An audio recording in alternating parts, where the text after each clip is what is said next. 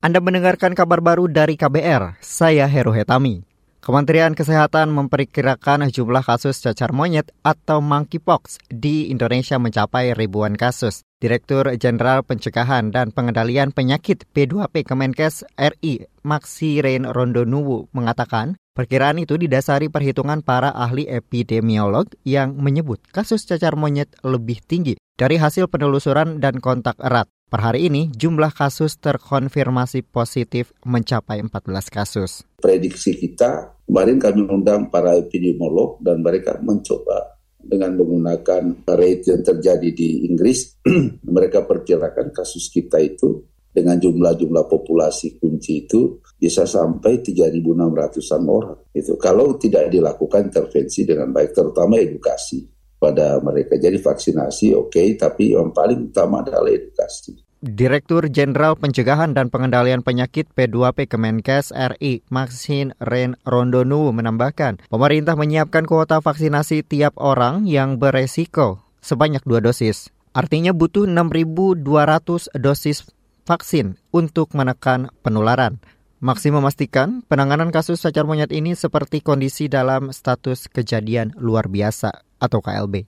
Kita ke informasi selanjutnya, Saudara. Belasan guru besar dan pengajar hukum tata negara melaporkan Ketua Mahkamah Konstitusi MK Anwar Usman ke Majelis Kehormatan Mahkamah Konstitusi MKMK.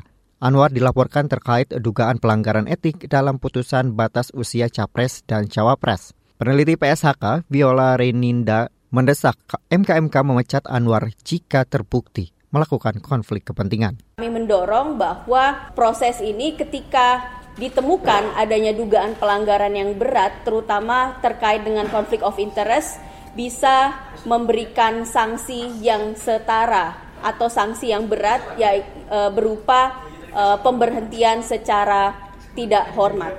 Peneliti PSHK Viola Reininda menambahkan, Anwar diduga memiliki konflik kepentingan dalam memutus gugatan untuk memuluskan langkah kemenakannya Gibran Rakabuming Raka pada pemilihan presiden 2024. Sebab sebelumnya Gibran terhalang peraturan undang-undang pemilu terkait batas usia minimum capres-cawapres 40 tahun.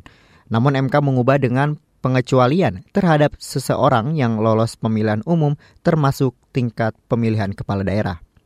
Kita ke informasi lain, Saudara Presiden Joko Widodo meresmikan sistem pengelolaan air limbah domestik terpusat Selayur, Kota Palembang, Sumatera Selatan. Jokowi menyebut ini menjadi pertama kalinya dirinya meresmikan sistem pengelolaan air limbah domestik yang terpusat sejak 9 tahun menjabat kepala negara. Ia menyatakan sistem pengelolaan limbah domestik sangat penting untuk mengurangi pencemaran di Sungai Musi. Kita tahu Sungai Musi ini sangat penting bagi masyarakat di Provinsi Sumatera Selatan, khususnya di kota Palembang.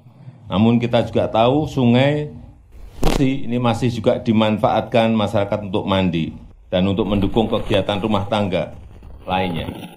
Presiden Jokowi menyambut baik pengoperasian sistem pengelolaan air limbah yang dibangun dengan anggaran hampir 1,5 triliun rupiah ini. Jokowi juga menyampaikan terima kasih kepada pemerintah Australia yang telah membantu proyek ini untuk membantu masyarakat memulihkan lingkungan dan meningkatkan kesehatannya. Saudara, demikian kabar baru dari KBR, saya Heru Hitami, salam.